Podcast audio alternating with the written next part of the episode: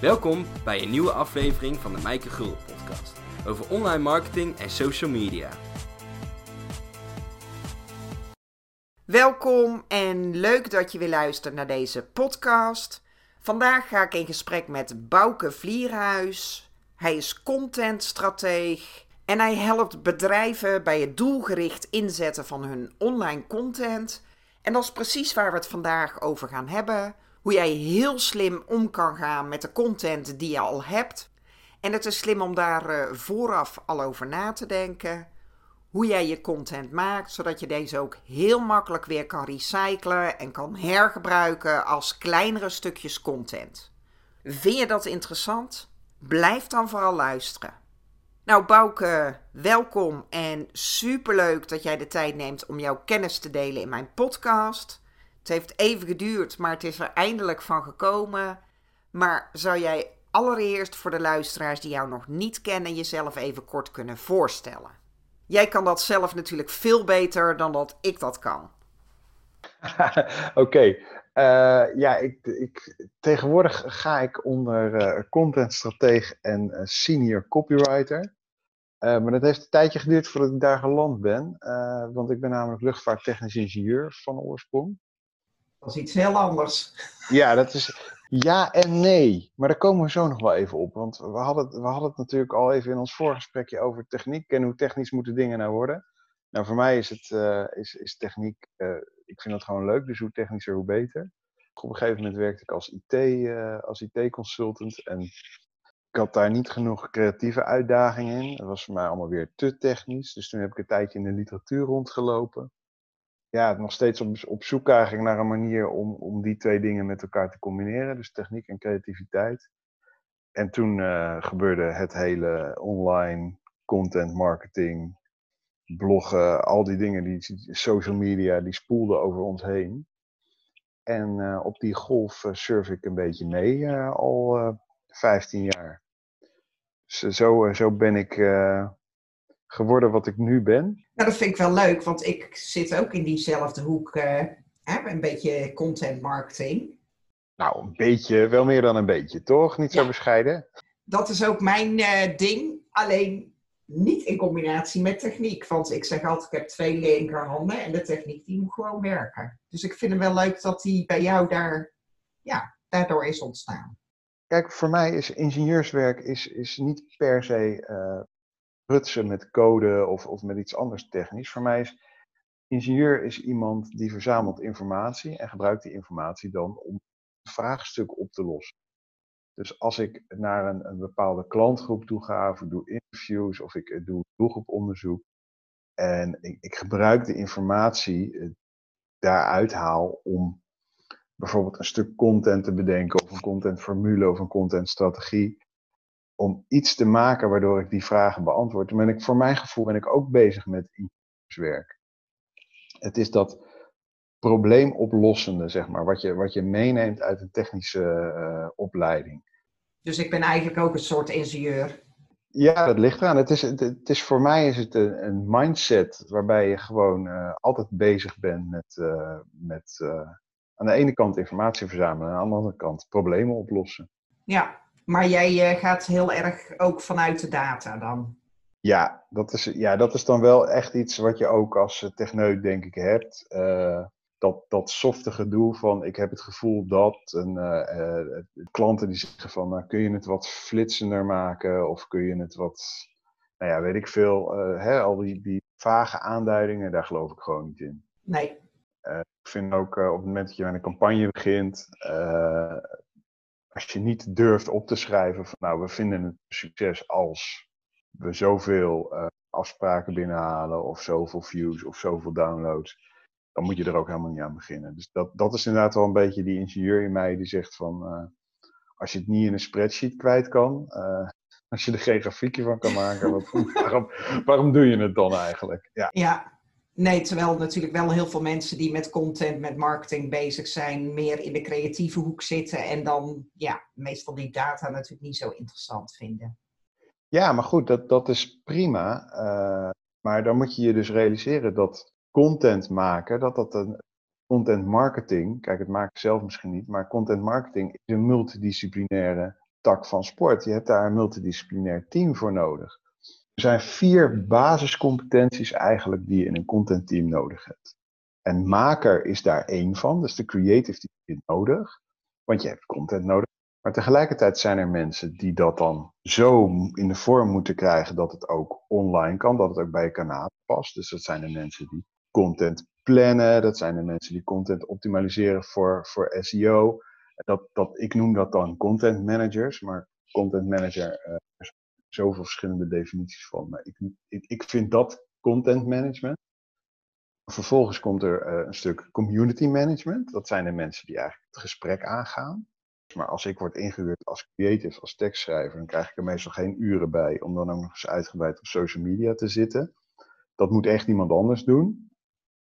En dan de vierde stap, en dat is de stap die het meest wordt overgeslagen, is uh, iemand moet dan op een gegeven moment zeggen van oké, we hebben een maand lang content gemaakt en gepubliceerd en gediscussieerd op social media en uh, mensen door onze funnel geleid. Uh, wat heeft het nou ons nou eigenlijk opgeleverd? Wat hebben we ervan geleerd? Welke data hebben we verzameld? En hoe, en daar gaat het cirkeltje natuurlijk zich sluiten, hoe gebruiken we de data en de lessen die we hebben geleerd om de volgende week of de volgende maand of de volgende campagne betere content te maken?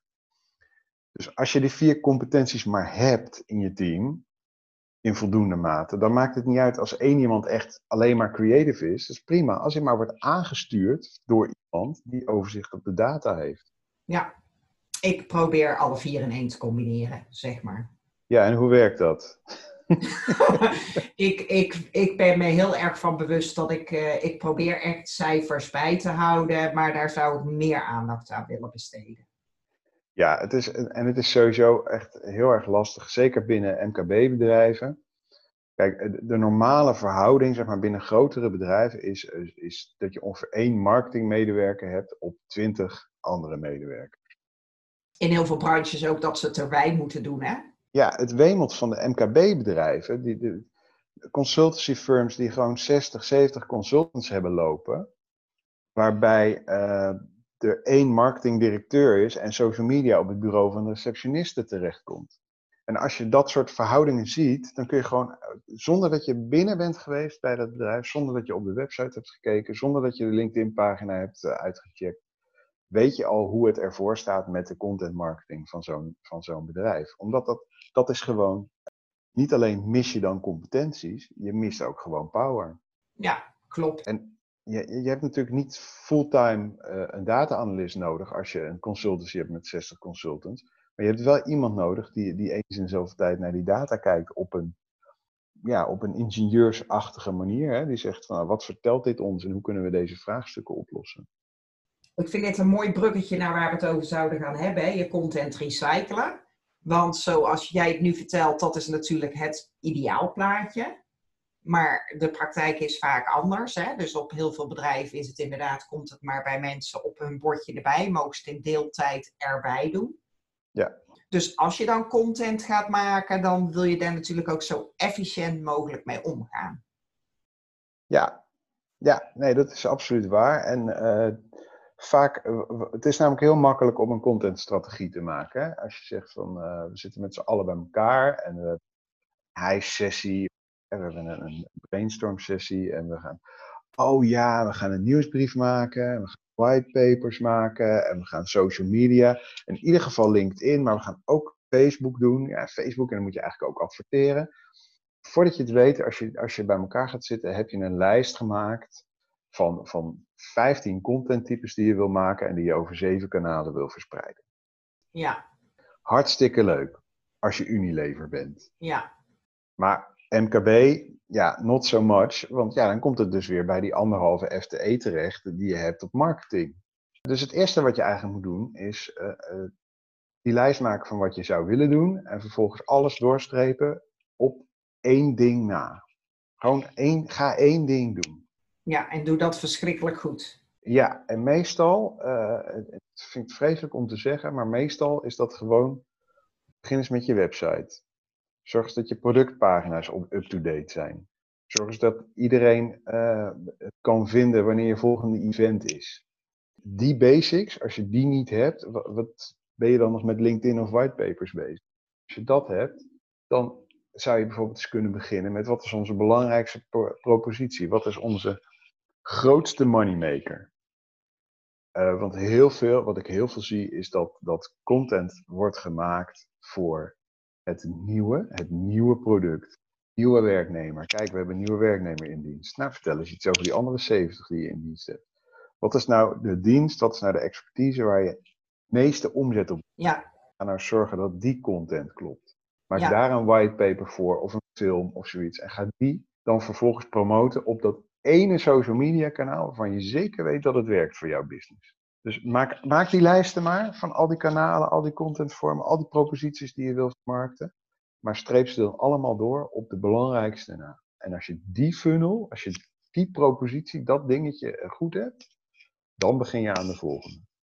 Daar ben ik het helemaal mee eens, want vaak willen we veel te veel. Hè? Dan, eh... Het is ook allemaal zo aantrekkelijk. Er is zoveel moois. Ja. Dat is ook zo. En iedereen wil marketing automation. En iedereen wil personalisatie en zo. En, en je wordt gebombardeerd met marketing e-mails van die softwareaanbieders die dat allemaal zogenaamd makkelijk maken. Is natuurlijk ook veel makkelijker dan tien jaar geleden. Maar je moet er wel allemaal over nadenken.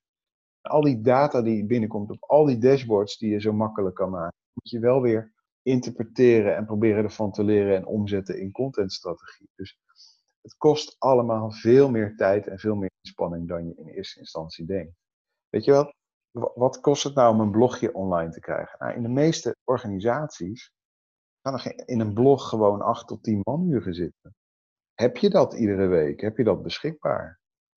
Vaak is het antwoord nee. Ja. Dan kom je natuurlijk bij content hergebruik. Want ik, ik, ik zei al, hè, uh, pak nou eens gewoon je, je moneymaker, je beste, best lopende uh, propositie. Het, het, ene ding waarvan je zeker weet dat je market fit hebt, om de dood eenvoudige reden dat er al omzet op binnenkomt. Ja, maar dat ene ding heb jij het over product of dienst. Ja. He, zoals ze het in marketingtermen ook wel eens zeggen, je melkkoe. Je melkkoe, nou precies. Uh, en vaak is het zo dat je daar heus nog wel, zeg maar, daar bestrijk je niet de hele markt mee. Daar kun je heus nog wel marktaandeel in winnen. Dus in plaats van nou allerlei nieuwe dingen te bedenken, kun je met je oude melkkoe door goede content nieuwe markten aanboren. Dus je maakt daar een film over, of je maakt uh, bijvoorbeeld set cases die je samenvat in een PDF. Je maakt een whitepaper waar, waar je het gedachtegoed achter dit product uiteenzet. Het kost hartstikke veel tijd en geld om dat te maken. Dat zet je dan neer als de kern. Vervolgens geef je daar een klap op en dan valt die in splinters uit elkaar. En van die splinters maak je social posts, blogpostjes, uh, korte YouTube filmpjes. En in principe je dan het maakwerk wel doen, maar dan heb je het denkwerk gedaan. Ik heb bijvoorbeeld een klant, uh, daar deed ik vroeger alle teksten voor, maar nu werken we op een ander model. Ik schrijf alleen nog maar de whitepapers. Dus dat, die grote kernstukken content, die maak ik voor ze. En hun eigen marketingstaf, die trekt dat dan uit elkaar in social posts en in video's en in blogjes. Van waar die whitepapers? Ja, nou, dit is, dit is business to business in de, in de consultancymarkt. En daar is een whitepaper gewoon echt uh, nog steeds de contentvorm die het gewoon heel Oké. Op het moment dat je dus als download aanbiedt, je een kans om uh, bedrijfsgegevens, e-mailadressen te verzamelen. Uh, ze kun je dan weer uitnodigen voor events. Wat natuurlijk de andere, het andere enorme succesvolle B2B-kanaal is. Uh, dus vandaar die whitepapers. Maar als je bijvoorbeeld naar de consumentenmarkt kijkt, dan zou je bijvoorbeeld aan een film. Gewoon echt een, een lange film. Hè, van, van, je kunt best een film van een half uur online zetten als je dan vervolgens dat materiaal maar weer hergebruikt om, om er uh, kleinere, makkelijker te consumeren stukjes van te maken. Ja, want vaak zijn we ook uh, heel erg druk bezig met uh, nieuwe content maken, nieuwe content maken, nieuwe content maken. En, ja. en eigenlijk zou je veel meer tijd moeten spenderen aan juist het promoten van die content die je Ja. gemaakt hebt. In plaats van weer een nieuw blog of weer een nieuwe video. Absoluut. Wat mij iedere keer weer verbaast is eh, wat er gebeurt op het moment dat, dat een stuk content online is gegaan. Het gaat online, eh, de deadline is gehaald, hè, we hebben het online, de baas heeft het gezien en vervolgens gebeurt er niets meer mee. Twee maanden later kijk ik naar dat ding waar ik, eh, weet ik veel, 6,5 uur op geschreven heb. En dan hebben 240 mensen dat gezien dan denk ik, nou, je wil eigenlijk niet uitrekenen wat dat dan per view gekost heeft. Met adverteren kun je daaronder. Qua kosten, dat kan ik je wel vertellen. Ja. Dus ik, ik, snap dat niet. En ik snap ook niet dat er bijvoorbeeld eh, bedrijven zijn die hebben gewoon hartstikke goede content van een jaar oud. En dan zeg ik tegen ze nou zullen we dat nog eens een keer promoten? Ja, maar dat is een jaar oud. Deten we het? Is het weer relevant. Ja. Maar stel uh, als we het even praktisch maken. Hè? Dus jij hebt het over, jij maakt dan meestal zo'n whitepaper. Maar dat kan natuurlijk ook gewoon een e-book of iets anders zijn, een checklistje. Ja. Hoe pak je dat dan aan? Dus dat is eigenlijk jouw contentstuk, zeg maar, het uitgangspunt. Ja. Ja, hoe pak jij dat dan aan? Ten eerste pak je voor als onderwerp altijd iets wat gewoon uh, minimaal twee jaar mee kan. Uh, op het moment dat je een whitepaper gaat maken, uh, ja, een e-book en whitepaper, voor mij zijn het dezelfde dingen hoor. Zeker Ja. business to business. Maar op het moment dat je eh, zoiets gaat maken over een onderwerp waarvan je zeker weet, nou dat is over een half jaar, negen maanden, is de interesse daarvoor uitgedoofd, dan is het eigenlijk al zonde van je inspanning. Ja. Je pakt gewoon een propositie of een, een onderwerp waarvan je denkt, nou daar kunnen we zeker twee jaar business uithalen. En vervolgens eh, zet je hem eh, zo gestructureerd op dat het ook heel makkelijk is om er weer subonderwerpen uit te halen. Dus je begint zoiets altijd met een structuur. Enorme voorstander van gestructureerde content. Eh, werken met content templates, waardoor je eigenlijk ieder hoofdstuk uit zichzelf al, voorzien van een nieuw plaatje, een nieuw inleidingje, een blog is. Eigenlijk. Met een leidingje, een, een, midden en een eind, eh, waar je ook een to action onder kan plakken. Dus eh, je vermijdt eigenlijk in zo'n stuk content vooruitwijzingen, al te lange hoofdstukken, eh, al te veel eh, terugwijzen en samenvatten. Je schrijft het eigenlijk al als een blogserie. En nou is het zo dat blogs, zeg maar een goed blog, zit toch al gauw aan eh, 1500, 2000 woorden. Dus eh, als je daar videoscriptjes uit zou willen halen, nou, dan heb je zo al drie, vier te pakken. Hetzelfde geldt voor LinkedIn. Hè? Eh, Op het moment dat je articles gaat schrijven, zijn over het algemeen ook wat korter, kom je met drie, 400 woorden heel eind. Nou, dan komen er ook zo drie, vier, vijf uit zo'n blogpost. Dus dan even terugrekenen. Op het moment dat je een whitepaper hebt of een e-book dat uit elkaar gevallen is in vijf of zes blogjes, eh, dan zit je al op, eh, op eh, zes stukken content. Nou, die zes blogjes vallen dan weer uit elkaar in drie of vier videootjes en posts. Zo zeg maar tussen de 50 en de 70 stukjes content heb je al. Plus dan alle social posts nog die je maakt om de zaak te promoten. Ja. Dus dan zit je zo aan 200 stukken content, eigenlijk geboren uit één idee. Dus je doet het denkwerk één keer. En ik heb tegenwoordig aan eh uur interview genoeg om zo'n eh, e-book in elkaar te zetten. Dus jouw consultants die zijn daar een uur mee bezig. Jouw tekstschrijver is er een dag mee bezig. En dan heb je dus eigenlijk voor de komende twee jaar heb je de kapstok voor de content. Voor die propositie heb je staan. Maar jij zegt nou kapstok, je gaat er wel, je gaat het niet letterlijk één op één overnemen. Dus hoofdstuk 1 wordt niet letterlijk een blog, maar daar ga je wel iets aanpassen. Of ga je het gewoon letterlijk overnemen. Ja, helemaal letterlijk lukt natuurlijk nooit. Maar het is wel zo efficiënt om het eh, niet weer helemaal totaal te hoeven verbouwen. Nee. Dus zo moet je het wel schrijven en daarom moet het gestructureerd zijn. En hoe begin je dan met die structuur?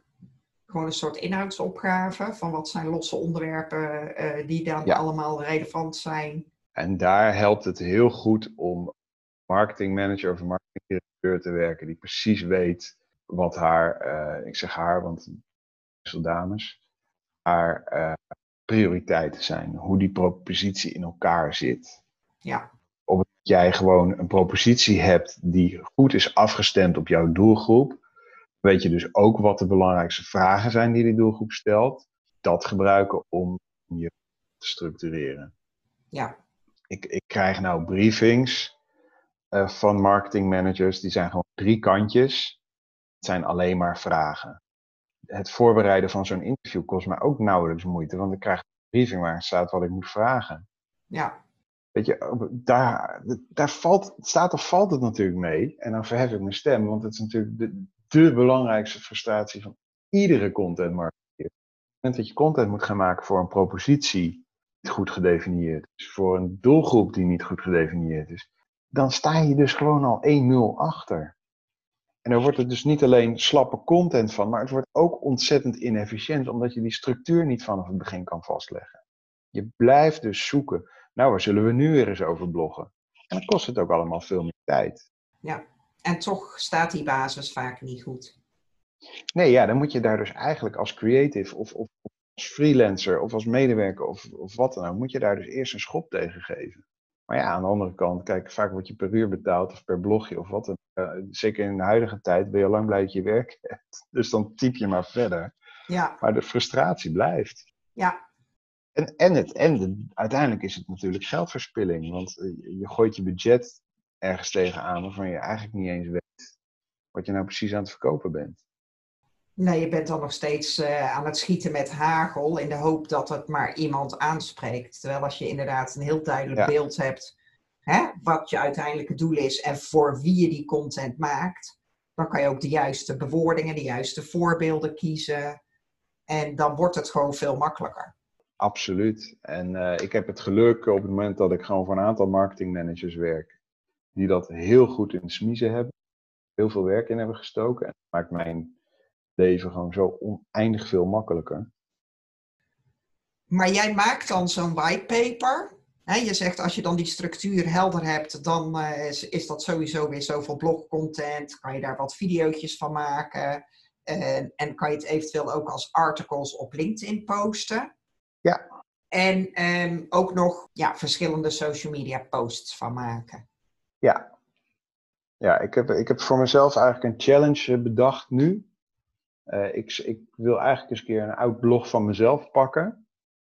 Gewoon voor de grap kijken of het kan. Uh, van iedere regel van het blog een tweet maken. Gewoon iedere zin. En eigenlijk, ik ben natuurlijk nogal streng voor mezelf, maar eigenlijk is het zo dat als je van een zin in een blog geen tweet kan maken, dat je je serieus moet gaan afvragen waarom die zin dan in dat blog staat. Uh, zo had ik het nog nooit bekeken. ja, nee, maar dat, dat is een hele strenge norm hoor. Want, want ja. wat, je dan, wat je dan eigenlijk eist van jezelf is dat, dat iedere zin die je schrijft in een blog gewoon uh, iets relevants zegt, een, een, relevant standpunt inneemt of, of, of de lezer iets leert. Maar dat is toch eigenlijk wat je zou willen. Dus dat, ik zou dat wel eens, en ik zou op zich de luisteraar ook wel eens willen uitnodigen om dat te proberen. Pakken ze gewoon een artikel van jezelf waar je tevreden over bent ga eens gewoon zin voor zin kijken van, nou, zou ik dit nou kunnen tweeten en zouden mensen dan snappen waar het over gaat? Want als dat lukt, en je weet een blog van 1500 woorden op die manier uit elkaar te trekken, dan heb je voor de komende drie maanden heb je social media content. Ja, maar ik kan jou zo al vertellen dat uh, dat met mijn blogs niet gaat lukken. Je hebt toch af en toe... je hebt toch af en toe zin om het weer aan elkaar te praten, zeg maar. Of um, ja, dat je toch nog zo'n zin noemt van hieronder ga ik het over dit en dit hebben om nog even dat zoekwoord erin kwijt te kunnen. Oh ja, dan krijg je dat de zoekwoorden. Maar je weet, Boeddha zei dat je jezelf moet beoordelen op je intenties en niet op het resultaat. Dus, ja. ik uh, ga er eens kritisch naar kijken, maar ik, nee, ik denk dat wel zeker 80, 90 procent zou gewoon relevant moeten zijn. Want ik hou niet van zo'n blog waar dan, uh, net als nou een blog, een video of een webinar is, dat je dat inderdaad helemaal zit te lezen of zo'n video zit te kijken en dan denkt, ja, dit was echt zonde van mijn tijd. Nee, ik denk dat je met 80% dat je jezelf dan echt wel wat een koud drankje mag inschenken hoor. Want dat is echt, eh, dan ben je volgens mij heel goed bezig. Als je, nog, als je maar 20% hoeft weg te gooien. Ja, daar ben ik wel voor, zo'n 80-20. Maar ik denk af en toe heb je toch van die zinnetjes nodig. Of om toch nog net even ja, zo'n persoonlijke touch mee te geven. Dat als je dat dan los zou twitteren, zou dat helemaal uit zijn verband ge, ge, gerukt worden. Maar ik, ik denk dat deze oefening, en dat is ook de reden dat ik erover begin, ik denk dat deze oefening bijna net zoveel tijd kost als een schrijven van een nieuw blog. Alleen, ik denk dat het je misschien nog wel eens meer gefocuste aandacht van de juiste doelgroep zou kunnen opleveren dan het opzetten van een helemaal nieuw stuk. Dat zou op zich wel eens interessant zijn om dat ook eens te bekijken. Van hoeveel extra aandacht kun je nou genereren door gewoon content opnieuw te gebruiken. Maak eens gewoon een maand helemaal niks nieuws en ga gewoon eens alleen maar dingen recyclen. Ja. En, en meet dat eens voor jezelf. Ja. Ik denk dat je dan gewoon op social media een stuk productiever en zichtbaarder bent. Maar goed, dit is een, een gedachte-experiment. Ik heb het nog niet uit, dus ik, ik kom bij je terug met data. Ik ben heel benieuwd. Want ik, ik weet het wel zeker. Je wil wel eh, inderdaad uh, nieuwe content onder de aandacht brengen. Maar ehm, ik betrap mezelf er ook wel eens uh, op. Hè, want ik doe nou één keer per week een nieuw blog. En daar is dan één keer per week een podcast bijgekomen. En soms denk ik wel, het is gewoon too much. Dus zit ik dan ook bij mezelf te overwegen van waarom ga ik gewoon niet één keer in de twee weken. Zodat je er veel meer aandacht aan kan besteden om het te promoten. Ja, en als je dat inderdaad kan doen met behoud van bereik. Want kijk, wij hebben natuurlijk allebei geen last van het financieel budget. We hoeven geen creators in te huren. Nee. We zitten maar 80 uur in een werkweek. Ja, voor, voor, voor zelfstandigen wel, hè? Ja, je kunt dat soms oprekken naar 100, maar nee.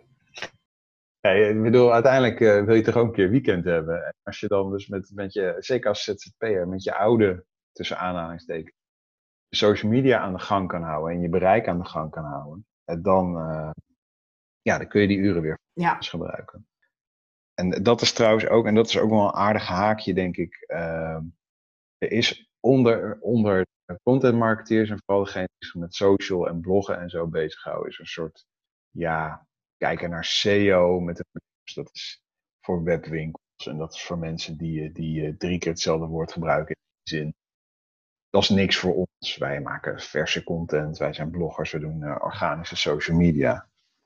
Maar uh, als je het bekijkt zeg maar, vanuit dit licht, vanuit het licht van content promotie en, en content hergebruik, dan is natuurlijk een blogje dat goed gevonden wordt in Google en blijvend goed gevonden wordt, is natuurlijk een veel effectiever stukje content dan een blogje wat je maakt en telkens weer moet promoten op uh, social media.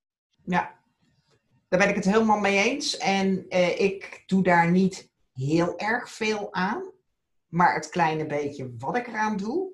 En dat is dan met name dat ik even in Google zoek waar wordt veel op gezocht. Dus dan kijk ik gewoon naar de Google suggesties. Als ik weinig tijd heb. En vervolgens uh, gebruik ik de Yoast SEO plugin. En jij bent niet meer pro WordPress, dus ik weet niet wat je van die plugin vindt. Nou, moet ik wel erbij zeggen, moet ik erbij zeggen, een van de dingen die ik enorm ga missen aan WordPress, is de Yoast plugin. En als ik dan zorg dat gewoon de meeste bolletjes groen zijn. En eh, voor mij resulteert het erin, als ik dat kleine beetje doe, en dat kost je werkelijk, ja, vijf minuutjes extra. Hè, Ja, want soms precies. moet je dan inderdaad zo'n zinnetje toevoegen, omdat je het zoekwoord er toch nog een keer in wil stoppen. Ja, Maar daardoor score ik met heel veel van mijn artikelen, en daar wil ik niet mee stoeven, op de eerste pagina van Google. En ja, Nou ja, het is wel grappig, want ik, ik, eh, ik heb natuurlijk een, een website waar ik uitgebreid mijn eigen diensten aanprijs, et cetera. Eh, maar als mensen binnenkomen op mijn website op het zoekwoord tekstschrijver, dan komen ze helemaal niet binnen op mijn overbouwke pagina of zo, of mijn dienstenpagina.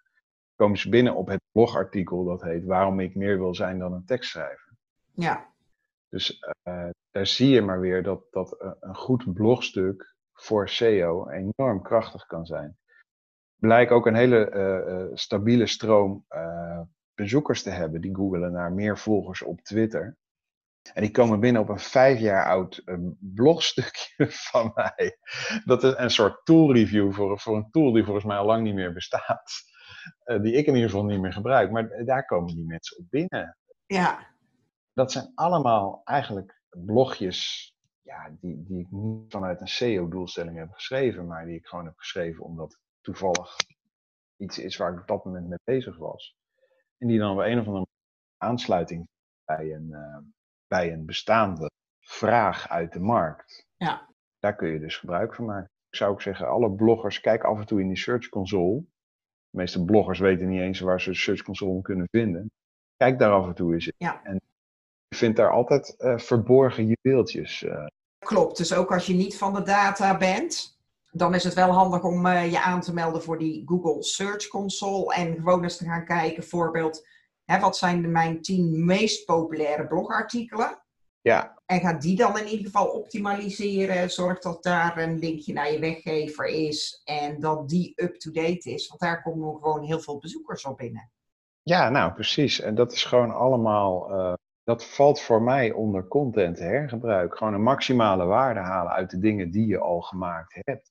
Ja. Dingen die er al zijn, in plaats van iedere week maar weer brainstormen en eh, nieuwe dingen bedenken. En dat moet natuurlijk ook, maar het is ontzettend zonde om dingen op de plank te laten liggen. Vooral, kijk, een blogje is één ding, hè, maar eh, video maken, wordt natuurlijk heel veel video gemaakt, is echt een hele dure sport, zeker vergeleken bij bloggen. En als je dan kijkt wat er gedaan wordt om zo'n video te promoten, nou, dan vind ik dat ja, vaak toch zonde.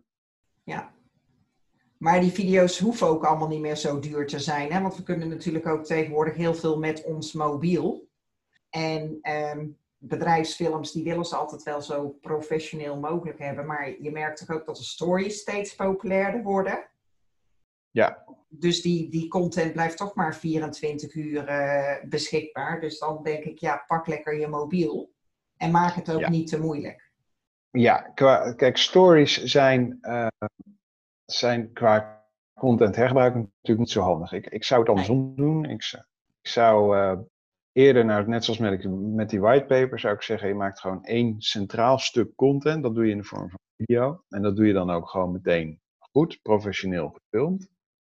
En dat kun je dan weer in kleine stukjes hakken, die op allerlei verschillende manieren, dus ook in stories, kunt hergebruiken. Ja, De grap daarvan is dat je, als je dat zo insteekt, echt gewoon twee jaar kunt hergebruiken, dat je ze tijdloos maakt, of evergreen, zoals dat dan zo mooi heet, eh, dan kun je ze ook blijven hergebruiken. Kun je er ook stukjes uit, uit knippen, andere contexten gebruiken, zonder dat ze hun relevantie verliezen. ja.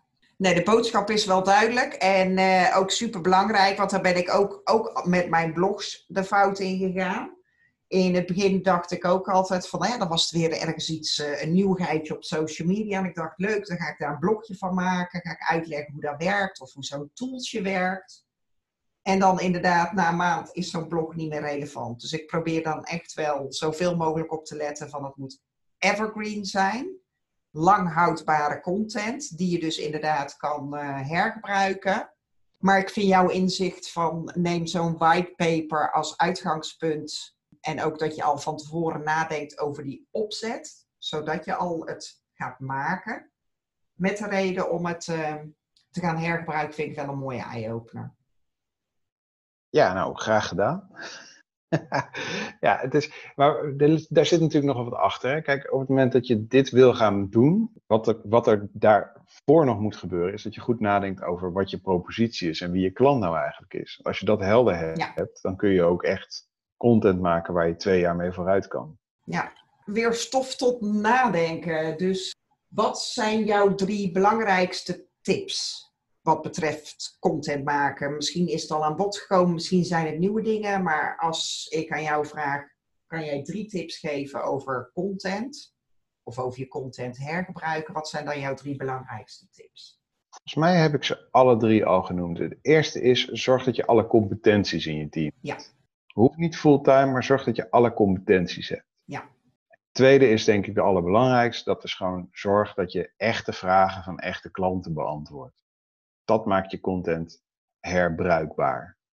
En de derde, die tussen de regels door heb ik die ook wel gegeven, is eh, maak liever één ding goed dan de hele tijd allemaal dingen half. Ja. Kies dat ene verhaal wat je wil vertellen en vertel dat ook echt. Ja. Als je, dan, als je daarmee eh, op de rit bent, dan kun je een verhaallijn bijpakken. Maar doe één ding goed.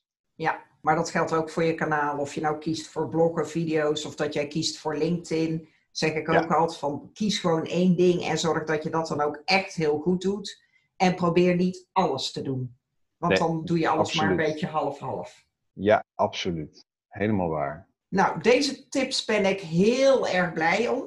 Nou, ehm, hebben wij het ook eventjes gehad over dat jij eh, klaar bent met WordPress. Daar ben ik dus nog wel eventjes benieuwd naar.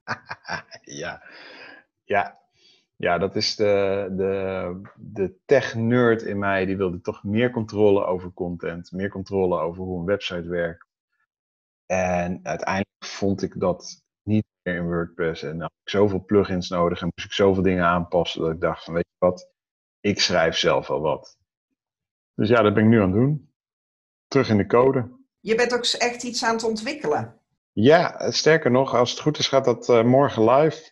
Oh, spannend. Ja, half af zoals dat hoort, hè? Minimum viable product. Ja, nou deze podcast wordt eind mei opgenomen. Dus tegen de tijd dat deze ehm, online staat, is het dus als het goed is eh, live. Ja, als het goed is wel. Ja, maar ik ga sowieso, eh, want je hebt ook artikelen over geschreven, dus ik ga sowieso die links delen in de notities bij deze podcast. Dus Ja, en als het goed is, doen ze het dan gewoon op de nieuwe site ook nog. Want ik neem al mijn SEO-links gewoon mee als het goed is. oké, Zeg ik heel vaak als het goed is? Ja, dat, dat is, ik zeg heel vaak als het goed is. Want zijn risico's. omdat het nog online moet en dan heb je soms Ja. toch te maken met kinderziektes en zo. Dus dat je Absoluut. denkt, het is helemaal klaar, je hebt getest. En Ja. stel dat dan ineens heel veel mensen dan eh, ermee aan de slag gaan of heel veel mensen op zo'n website komen, kan het alsnog eh crashen Ja. of dat je achter dingetjes komt. Als ik een beetje nerveus klink, dan komt dat omdat ik ook nerveus ben hiervoor. Ja, maar het is eigenlijk een soort vervanging van WordPress dan. Eigenlijk is het dus een statische website. Dus dat betekent dat je de website eigenlijk thuis maakt, dan online gooit. Dus dan heb je, je hebt een heel ander soort content management proces, waarbij content eigenlijk als code, eh, in mijn geval beschouw ik content als code. En eh, je dit zou gaan uitrollen naar een grotere organisatie, zou je content eh, als data beschouwen. Die wordt uitgelezen door de code. De, de vakterm is eh, headless CMS, dus het kale, het kale CMS dat alleen de content beheert als, als ware het data en dus niet zich bemoeit met vormgeving of presentatie. Ja. En we gaan het afsluiten, want nou wordt het heel technisch weer. Hebben we toch nog over techniek gehad? Heel goed. Maar stel dat mensen nu zeggen, nou, dit vind ik super interessant. Wat is dan de beste plek waar mensen meer over jou kunnen vinden of waar ze met jou kunnen connecten? Ja, en uh, boukevlierhuis.nl natuurlijk. Bouke met OU. Want daar deel jij regelmatig ook uh, handige blogs, hè? Ja, absoluut. En ik breng ook echt veel te veel tijd door op Twitter en LinkedIn. Daar vind je me meestal ook. En ik ga die linkjes ook uh, weer delen in de notities. Dan even niet over content recyclen, maar content in het algemeen. Ter afsluiting nog, wat is jouw gouden tip? Mijn gouden tip. Maak alsjeblieft nou niet iets wat er al is. Maak iets wat er nog niet is. Beantwoord dezelfde vraag als je concurrent, maar beantwoord hem dan net een beetje anders. Ja. Dat als je zelf in je eigen tone of voice, op je eigen manier. Ja, en ga niet vaag zitten doen met algemene begrippen, maar wees niet bang om jezelf te zijn. En doe, doe de dingen op je eigen manier. En dan zul je zien, er is heel veel content en 80% verdwijnt ongezien, ongelezen naar het afvoerputje van het internet. En meestal terecht, moet ik erbij zeggen. Maar als je echt iets maakt, uh, eigen toon, met je persoonlijke inval, invalshoek, dan zullen mensen echt geïnteresseerd zijn in wat je te vertellen hebt. Ja, klopt. Ben ik het helemaal mee eens. Want dan kunnen mensen ook voor jou kiezen. Hè? Want dan hebben ze of die klik wel met je of niet. Ja. En die mensen die geen klik hebben, die jaag je dan ook meteen weg. Dat, dat scheelt ook enorm in je, in je salesproces. Alle vervelende mensen, die zijn al vertrokken. Ik wil niet per se zeggen dat dat vervelende mensen zijn, maar dat zijn niet jouw ideale klanten, want je weet gewoon dat dat dan geen match gaat worden. Absoluut, precies. Kijk, zie, zie je nou wat ik deed daar net? Nee? Dat ik dus zeg, ik zeg vervelende mensen, dat is dan net eventjes wat meer persoonlijk en uh, prikkelend dan uh, de klanten waar je geen match mee hebt. Ja. Dat is precies wat ik doe. Zeg het op je eigen manier. Ja, voor jou zijn dat vervelende klanten. ik heb je in ieder geval geprikkeld ermee. Ja, en voor mij zijn dat niet je ideale klanten. Absoluut. Super dankjewel voor je, al jouw tips. Super dankjewel voor jouw tijd. En uh, jij bedankt. Ik heb weer stof tot nadenken. Graag gedaan. Bedankt voor het luisteren naar de Mijke Gulden podcast.